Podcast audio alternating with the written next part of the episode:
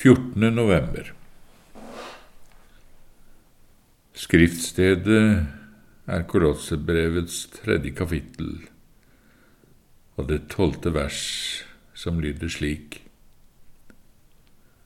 Dere er Guds utvalgte, hellige og elskede. Ikle dere da inderlig barmhjertighet, godhet, ydmykhet, saktmodighet og langmodighet.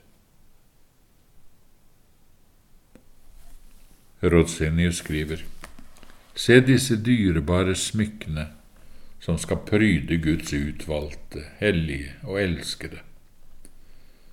Først minner apostelen om de troendes høye stilling, og vil vi skal være kledd i samsvar med den, som det sømmer seg Guds utvalgte, hellige og elskede.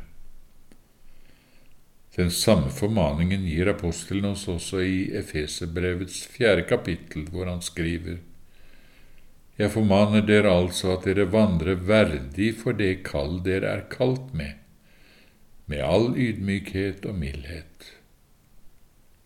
Legg merke til verdig for det kall dere er kalt med. Det som er svært så verdig eller passende for verdens barn, kan være fullstendig uverdig eller upassende for Guds barn. Det gjelder for eksempel å beholde alt sitt eget bare for seg selv, være stor på det og selvopptatt, kverulere eller ikke kunne styre sin tunge. Alt dette aksepteres blant verdens barn, men for lysets barn ville alt dette være galt. De skal gå den motsatte veien i forhold til verdens barn.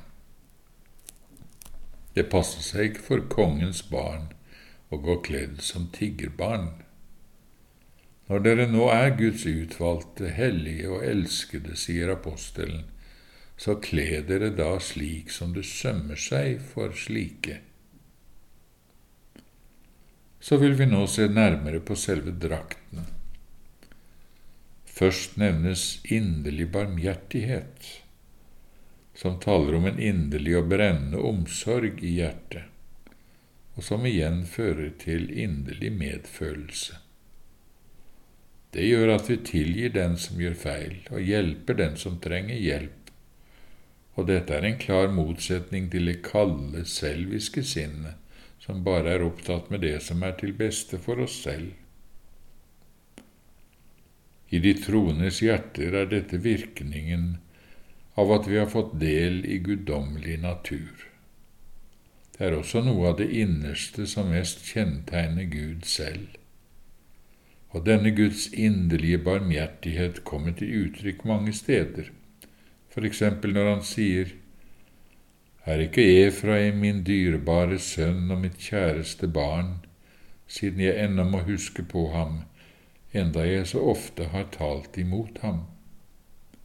Derfor blir jeg rørt i mitt hjerte for hans skyld. Jeg må forbarme meg over ham, sier Herren.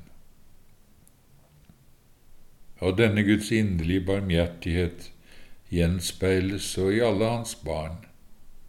Kristus sier, Vær derfor, derfor barmhjertige, slik som deres far er barmhjertig. Og slik skal dere være deres ba fars barn eller avbilder, for han lar sin sol gå opp over onde og gode, og lar det regne over rettferdige og urettferdige. Den neste delen av drakten vår var godhet, eller vennlighet, velvillighet.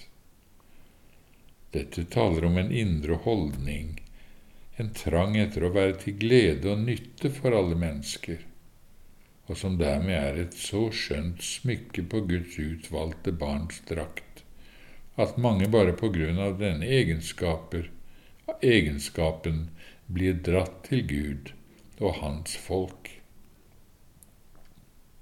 Guds barn bør jo være de mest vennlige og velvillige mennesker på jorden. Det ingen forkynnelse har maktet, har denne egenskapen ofte utrettet. Derfor var også hele Kristi liv på jord gjennomsyret av vennlighet og velvillighet. Han gikk omkring og gjorde vel og helbredet alle, står det. Den største kunnskap og de best formulerte ord har ingen virkning, men irriterer bare når et falskt og uvennlig vesen virker fra, frastøtende og så sørgelig slik det er. Nei, de som skal formidle videre den mest dyrkjøpte kunnskapen, de bør bære den innsvøpt i den varmeste, vennligste vesen. Den tredje delen av drakten var ydmykhet. Som alle vil forstå, har dette nær sammenheng med det som er nevnt foran.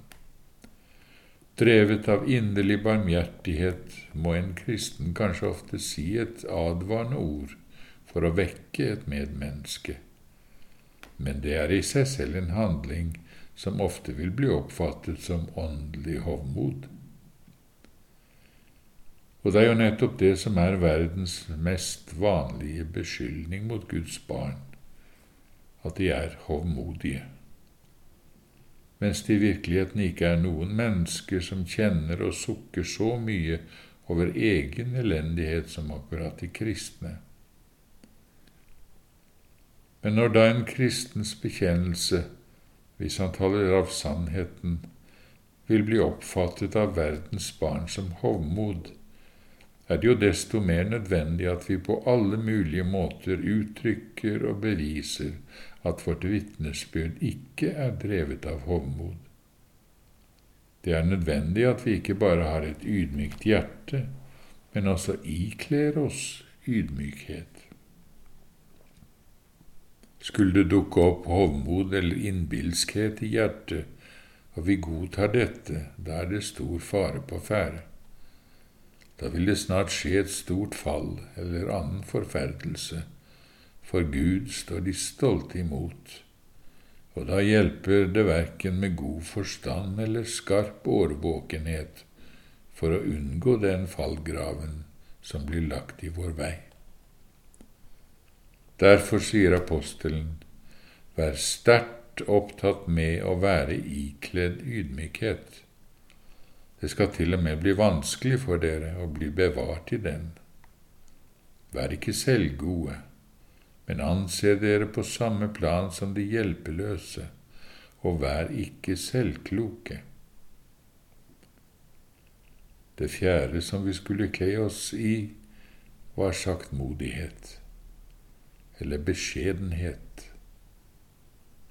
Det vil si at vi ikke så lett lar oss irritere.